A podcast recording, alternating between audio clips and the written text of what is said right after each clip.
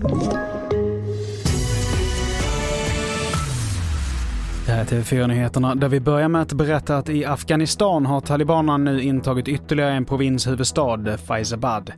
Därmed har man enligt EU kontrollen av 65% av landet och hundratusentals invånare är på flykt. Trots det sa USAs president Joe Biden i natt att han inte ångrar att amerikanska trupperna har dragits tillbaka. FN slår nu larm om att ett stort antal människor drivits på flykt och det kommer rapporter om att talibanerna piskat kvinnor som brutit mot deras regler.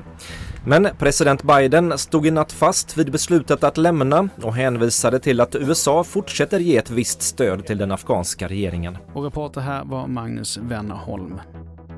Vi fortsätter med att en man i 30-årsåldern ska betala tillbaka en kvarts miljon till Försäkringskassan enligt Borås Tidning. Detta då han ska ha haft aktivitetsstöd i ett och ett halvt år trots att han haft ett arbete vid sidan om, som han inte berättat om.